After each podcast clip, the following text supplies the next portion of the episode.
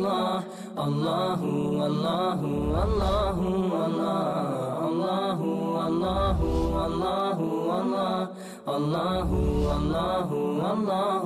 الله ذاك العظيم في علا من أبدع الكون سوى سبحان الله. وبحمد الله.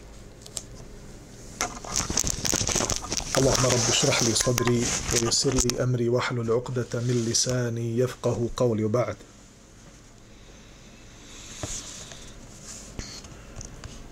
Kao što smo najavili, večeras uz Allahovu pomoć počinjemo sa novim serijalom. Sa jednom bare knjigom koja sadrži osnovne temelje Allahove vjere, osnovne temelje osobina i atributa jednog vjernika. Od jednog Mubarak insana, Hafiza, islamskog učenjaka,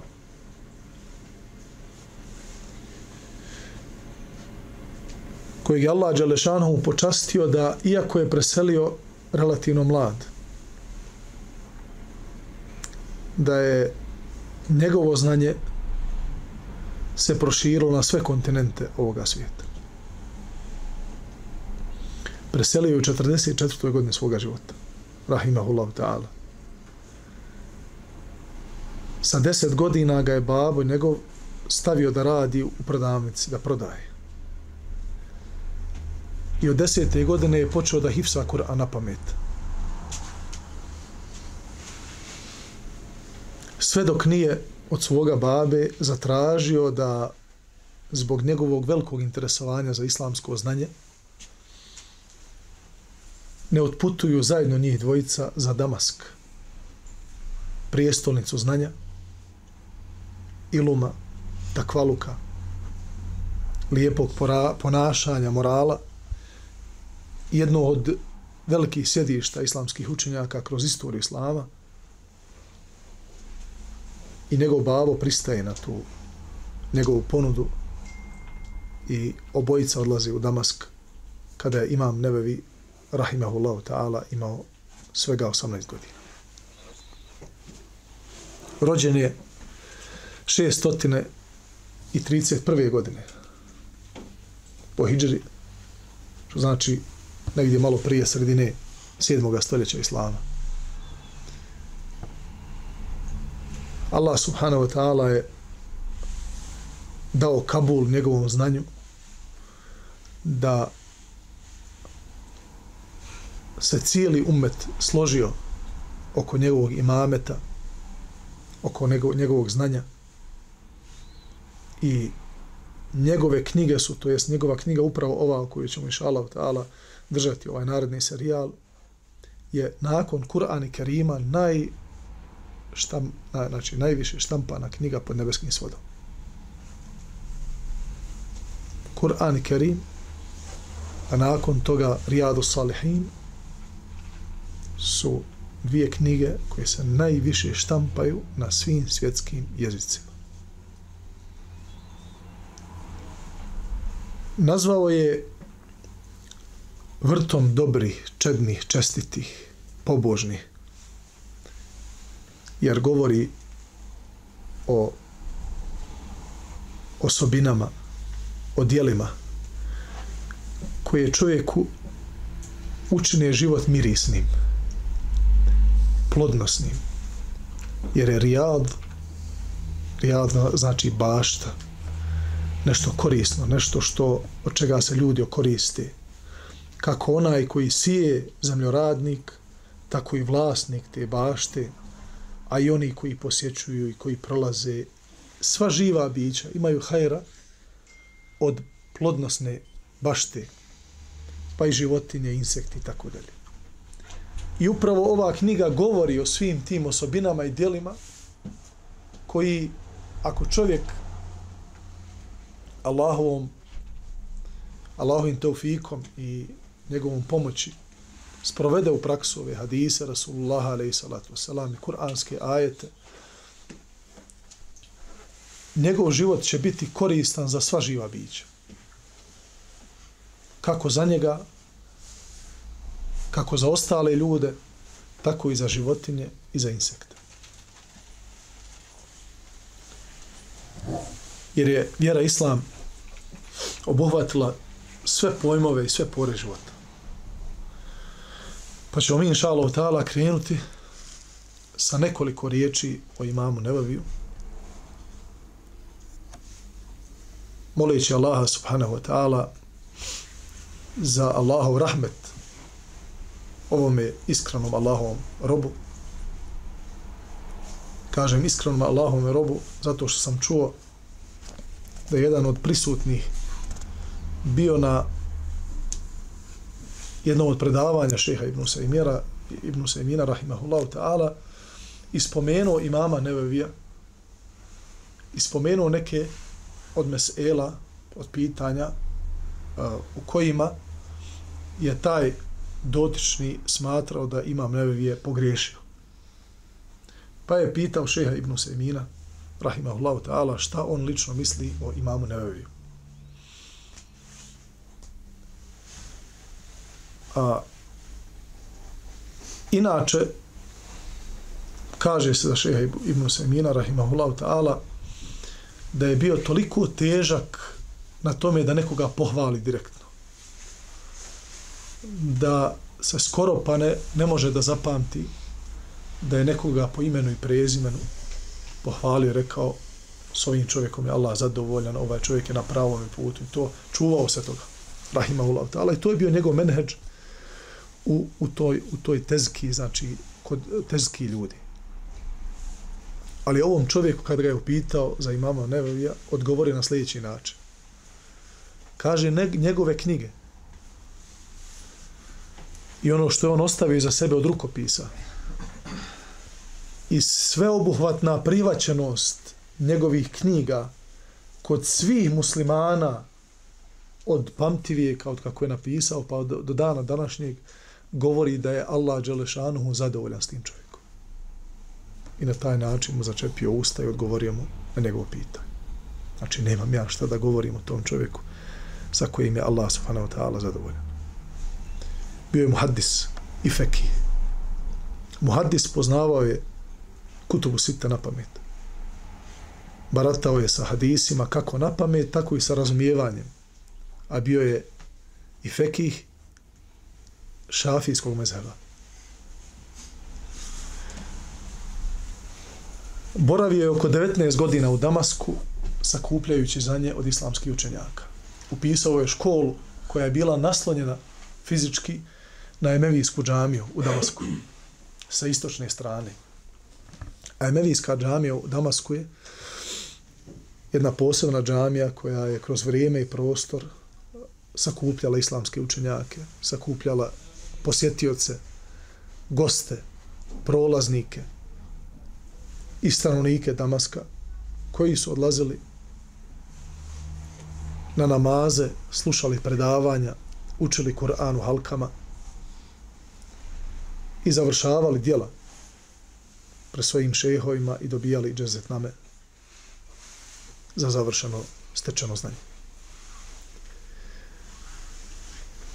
Imam Nevevi je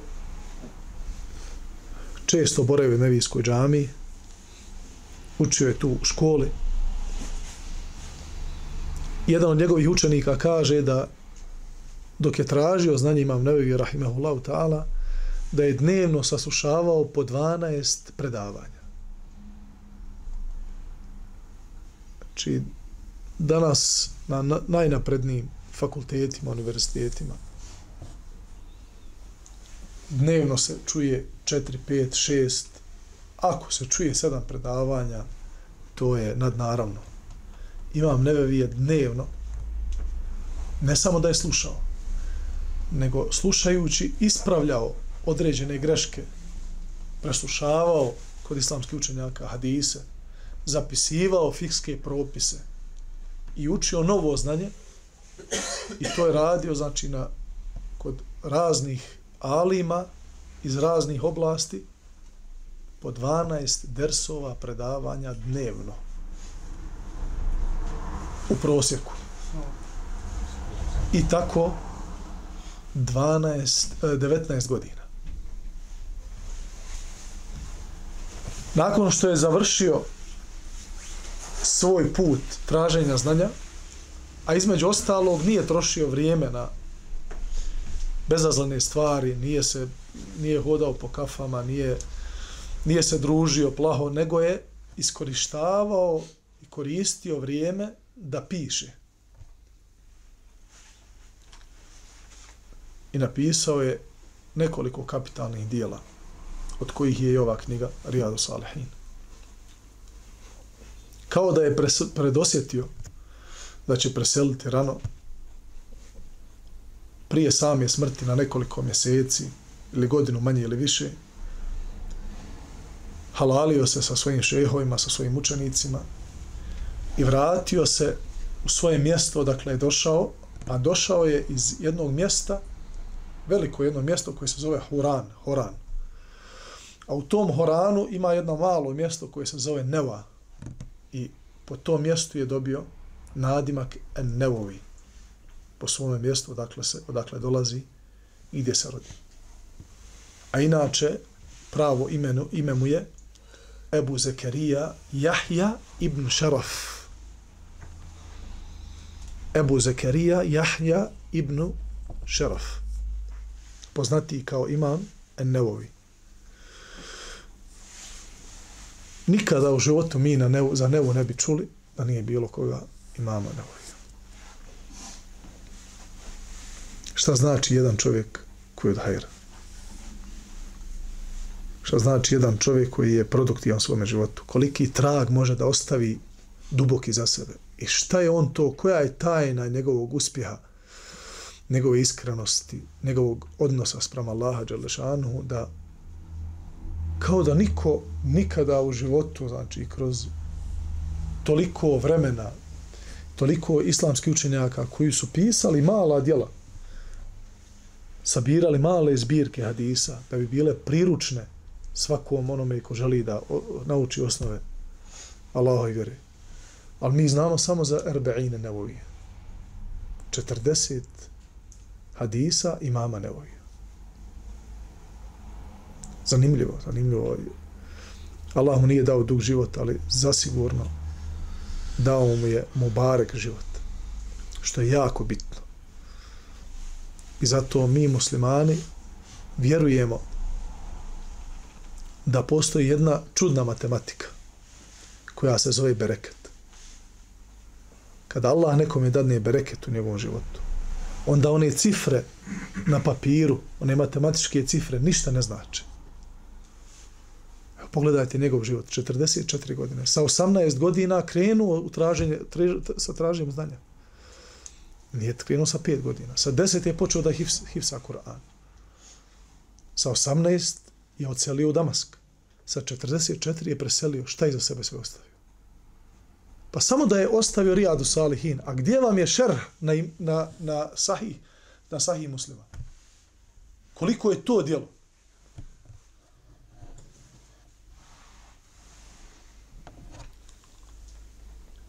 To zaista govori o tome da Allah nekim ljudima daje bereket u njihovim životima. Bereket šta? u njihovim životima.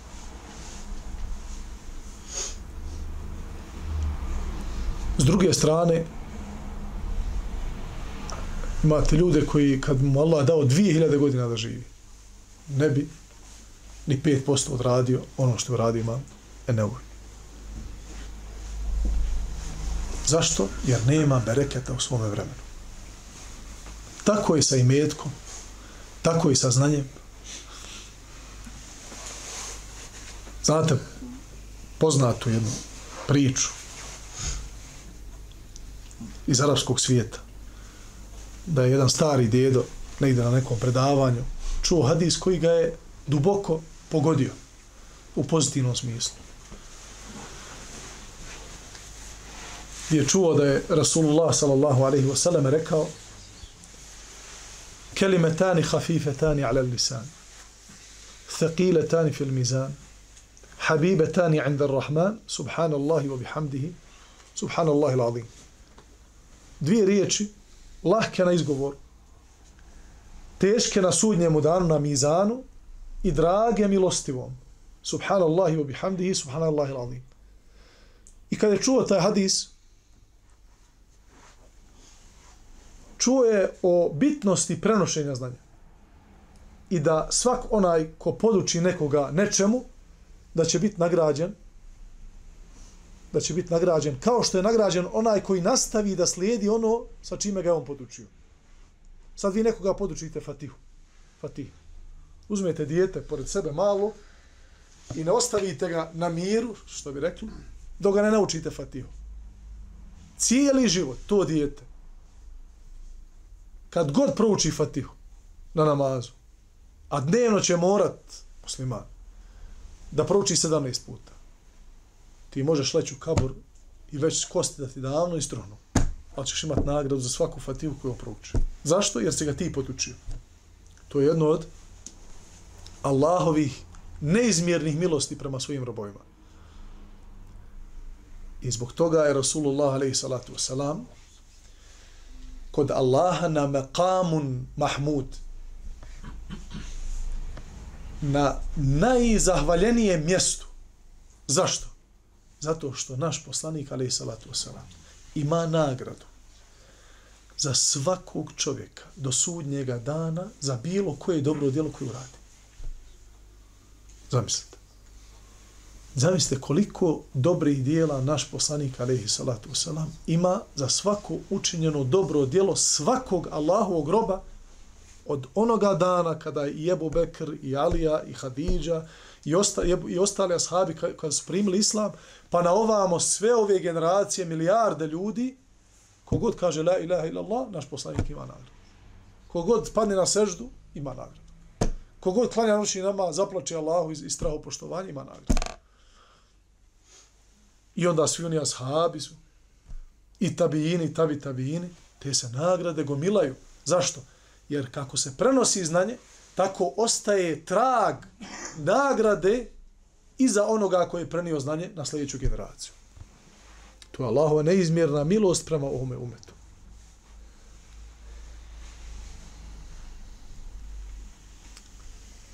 I Imam Nevovi rahimehullahu ta'ala je uistinu jedan od mubarak insana kojeg je Allah subhanahu wa ta'ala uposlio u hajru.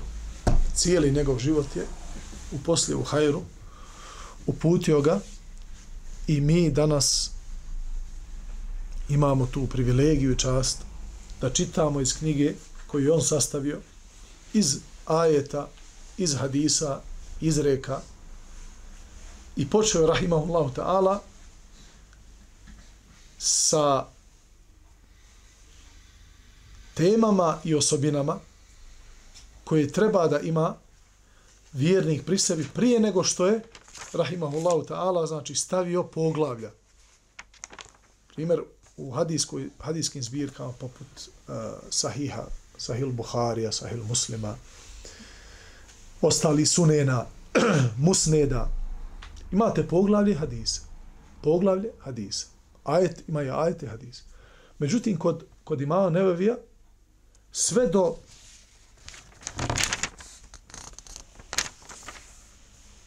sve do hadisa šest, e, broja šestotina i osamdeset nema poglavlja. Nego imaju osobine sa kojima se trebaju vjernici da okite kako bi nakon stečenih ti osobina prihvatali i usvajali u svoje živote hadise koji su stavljeni pod poglavlja. Pa krene, kreće sa iskrenim nijetom. Jer bez iskrenosti sva ostala djela su poput magle. Mogu da budu i najsjajnija. Noćni namazi, Kur'an, hadis, pomaganje, ma bilo koje djelo, znači koja su najbolja djela kod Allaha. Da čovjek radi cijeli život i da nijednom ne pogriješi. A ne radi to iskreno, magla. Magla. Pa je Rahimahullahu ta'ala, znači šta je uradio? Ciljano je naveo osobinu po osobinu koju svaki vjernik treba da ima kod sebe onako e, brojčano, znači vidjet ćete, nakon iskrenosti šta dolazi? Pokajanje. Zašto? Jer ako čovjek se nekaj godinama će se umrti. Neće se umrti on što će se umrti, što je težak put kao put. Put Islama je lahak, ali su grijesi teške. I kaže čovjek, prošlo 20-30 godina od kako sam uvjerio, umorio sam se. Brate, nisi se ti umorio od dobrih dijela. Ti se umorio od grijeha za koje nisi tražio oprosta. Pa te sada pritišću i nemaš snage da nastaviš. U tome je pojenta. Pa imam nevevi, stavlja drugo, pod broj dva, pokajte se vjernici. Pa pod broj tri, strpite se. Jer nakon što se pokaješ, šta dolazi?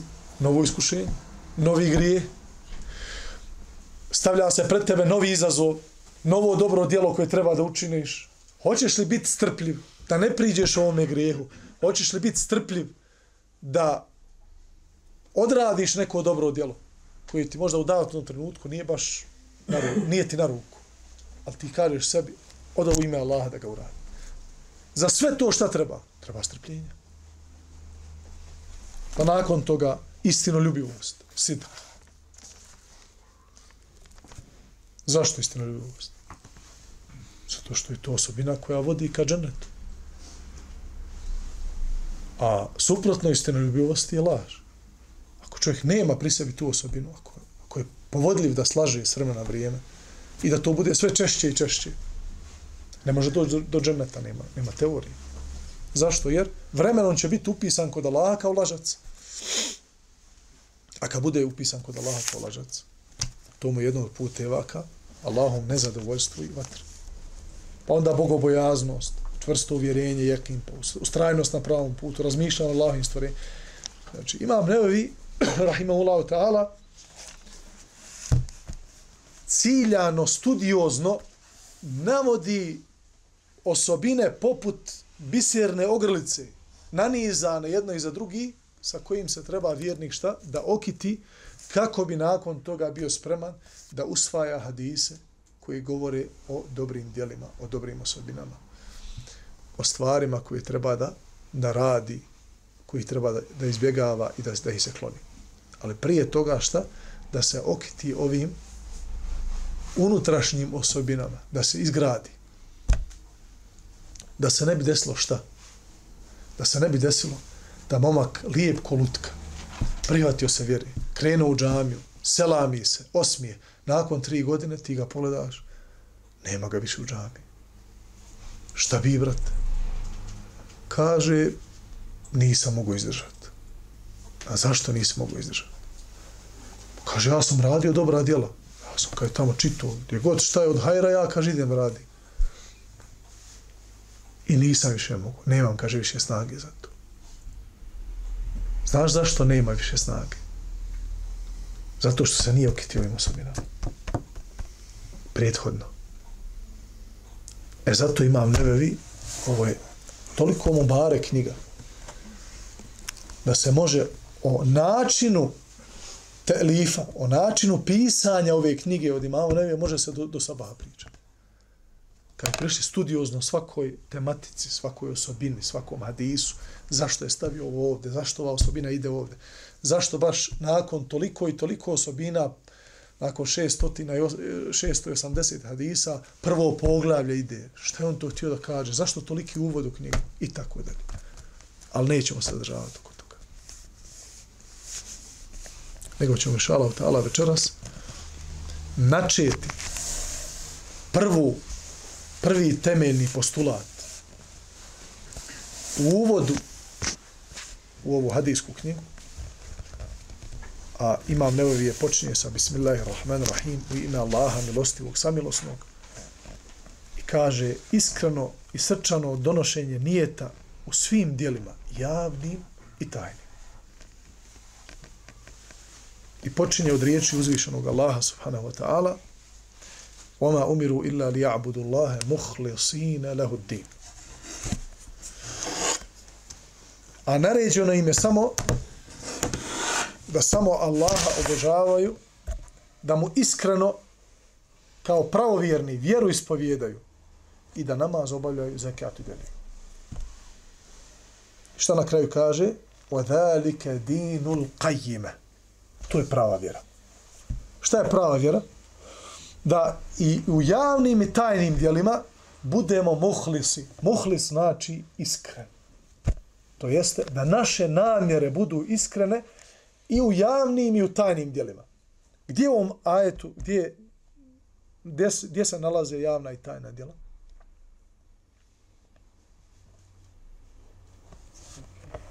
Obožavanje Allaha je tajno djelo. Kako, kako je, može neko od nas da zna da li mi obožavamo nekoga mimo Allaha? To je unutrašnja stvar.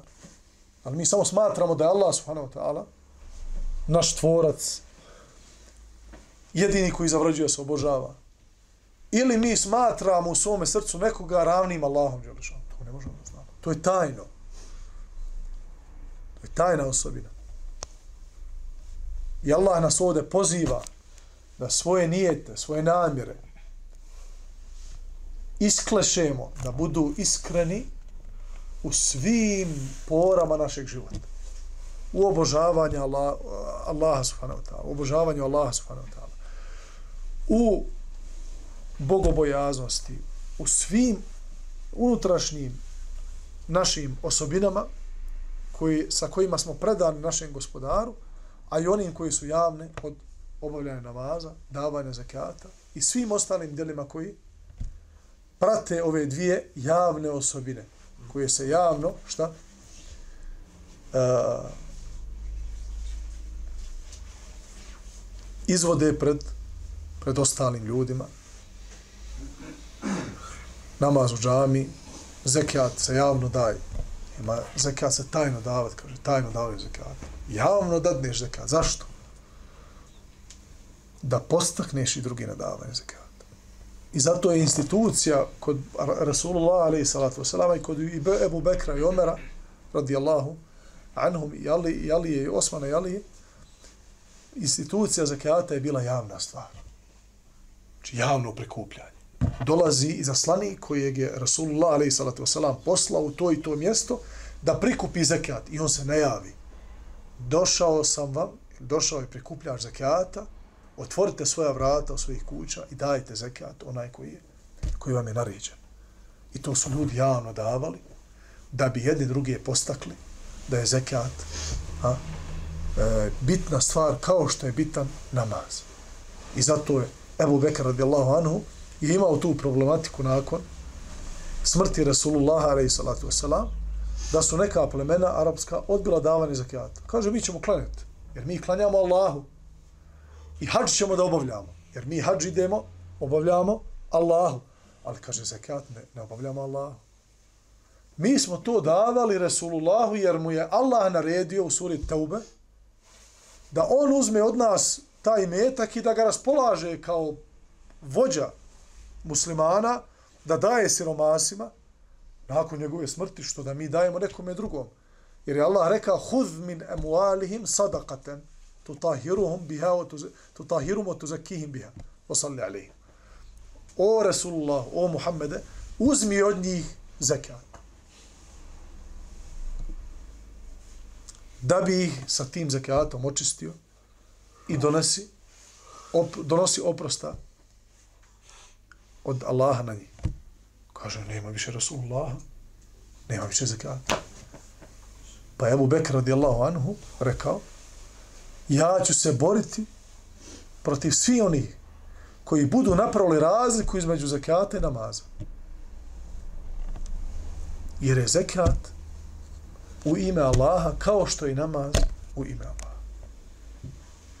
To je naredba koja ostaje do sudnjega dana, bio Rasulullah živ ili, ili ne.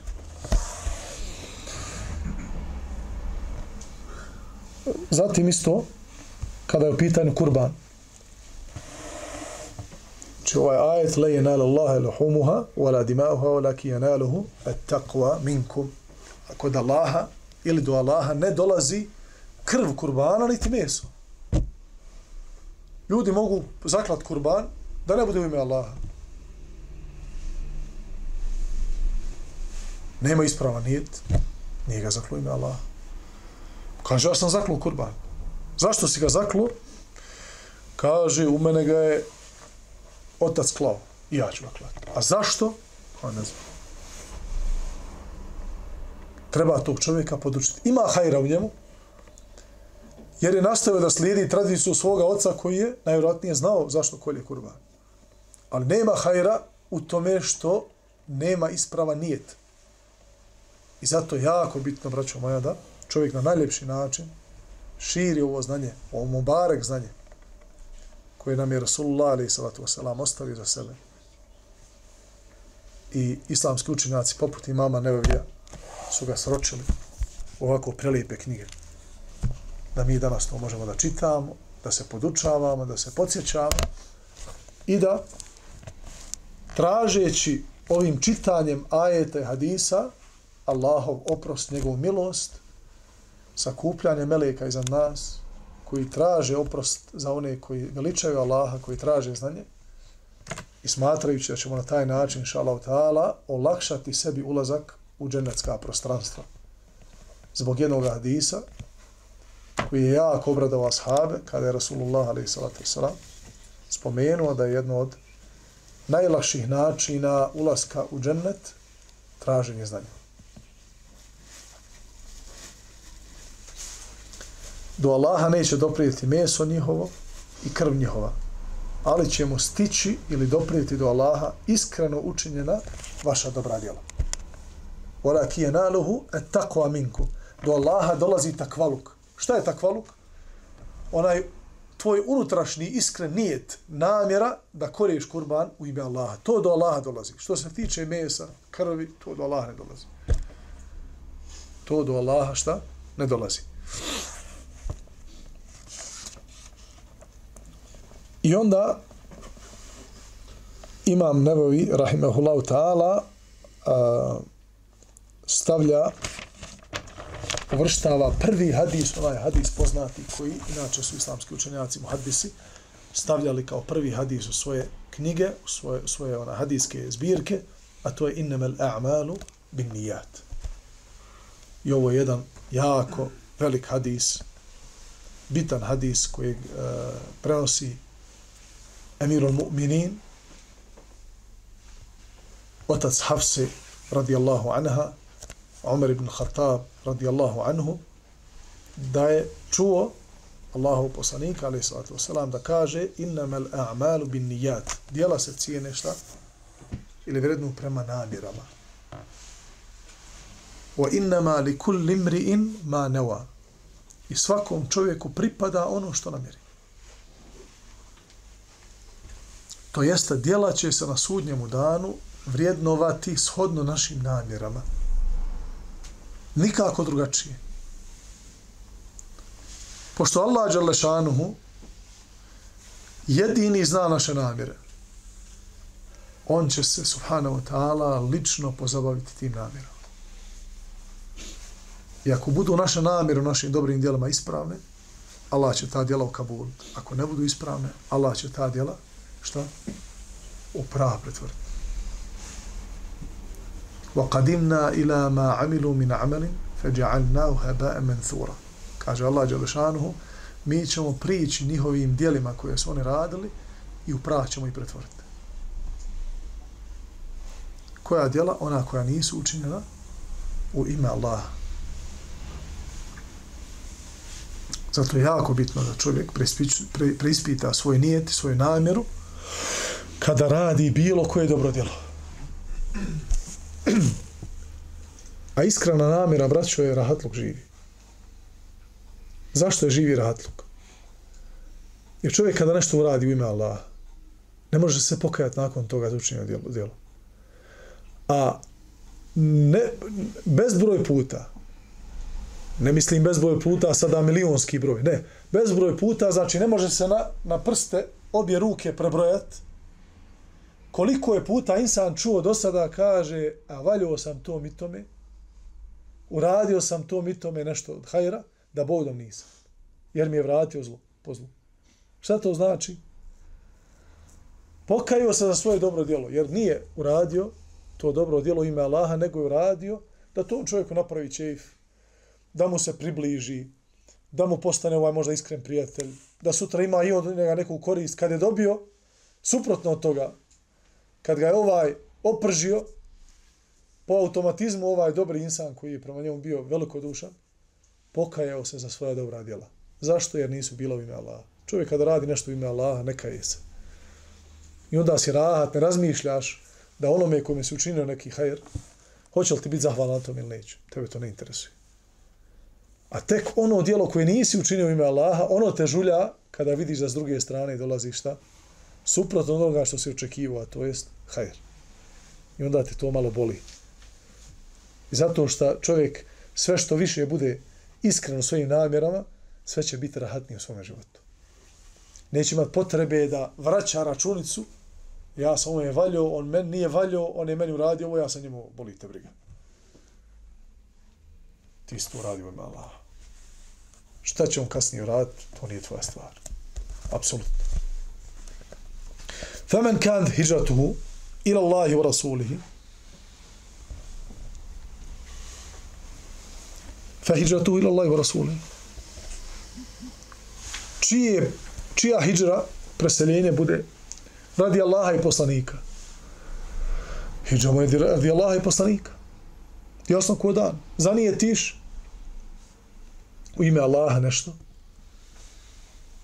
očekuješ nagradu Jer uh, može čovjek da ode na jednu drugu stvar, uh, znači boje, bojeći se ili strahovajući od, od pogrešne namjere, ne do Allah da čovjek pretjera u tome, pa da ode na stranu da sumlja da će Allah jedno dijelo u kabutu.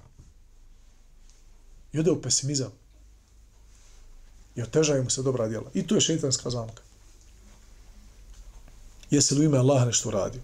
Činio si dobro? Očekuj kod Allaha nagradu nadaj se i dovi Allahu imperativom da te nagradi za to.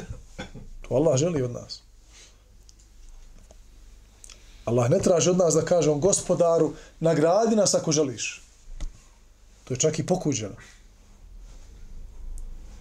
Pokuđeno je tražiti od Allaha spominjajući Allahovu želju u dovi. Nego je pohvalno i Allah to voli da od svojih robova ponizno čuje da mu imperativom dove i da kažu gospodaru nagradi me za ovo što sam radio. Nikako smatrajući da se može vjernik uzoholiti na svojim gospodarom ili da traži zbog ushićenosti smatrajući da može Allahu nešto da naredi. Vala ijadu billah, to je daleko od svakog vjernika. Nego jednostavno Allah subhanahu wa ta'ala voli da je čovjek besprijekorno uporan i jasan u svojim dovama i da nema ni malo dvojbe da li će nešto da tražite od Allaha ili neće. Takav je vjernik. Omen kanet hijratuhu li dunija yusibuha au imra'atin yankihuha wa fi فهجرته إلى fa hijratuhu ila ma hajara.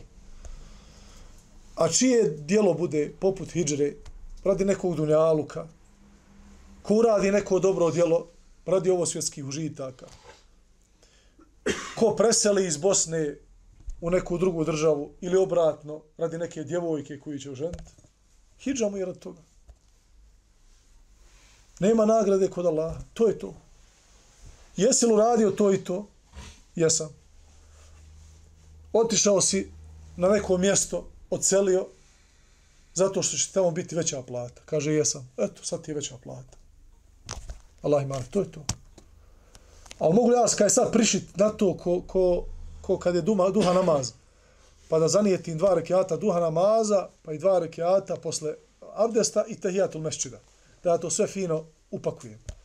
Nakon dvije godine on čuo za ovaj hadis, a on već preselio radi neke tamo što mu se svidjela. Ne može, brat upakovati to ne možeš. Jer hijđra treba da bude isključivo radi Allaha. I svako drugo, drugo dobro, dobro djelo, ako je urađeno radi Allaha, urađeno radi Allaha, prvenstveno. A ako ti Allah na to dobro djelo dadne neko od, od ovih dunjalučkih užitaka, kao jedan vid lijepoga života, da čovjek u ima Allaha učini hijđu iz jednog mjesta u drugo, da se sačuva sa svojom vjerom. I tamo upozna neku djevojku, još nije, ima sa njom sretan brak, to mu je Allahova nagrada na ovom svijetu. Neko si se, nema kontradiktornosti između njegove nagrade u iskrom nijetu i to što je on nakon toga stekao nešto od ovog dinaličkih ukrasa ili hajili braka. Koliko je prošlo od početka predavanja? Jel toliko treba da, da sate? 40 minuta. Ma, debeli ti prsti, jel? Hoće od lopat. A ja, šta ćeš? Nismo mi navikli. Treba padno iz tablet. Na tači, jel? Pa ja, džabaj. Na što insan navikne. pa. Allah subhanahu wa ta'ala molimo da, da nas poživi u hajru, da nas iskoristi u onome sa čime on zadovoljan. Molim ga uzvišenog da nam dadne bereketa u, ovome ciklusu, da nas sačuva iskušenja koja ne možemo podnijeti i da inša Allah ta'ala e, zajedno sa našom djecom dočekamo kraj ovog ciklusa i da nas, nastavimo sa, sa narednim moleći ga subhanahu ta'ala da sve ono što radimo, radimo u ime njega i da nam oprosti grijehe i uvede nas u dženevska prostranstva. Amin, ja rabbil alamin. Kulu qavli hada wa astaghfirullahi li wa lakum subhanaka Allahum bihamdika ashhadu an la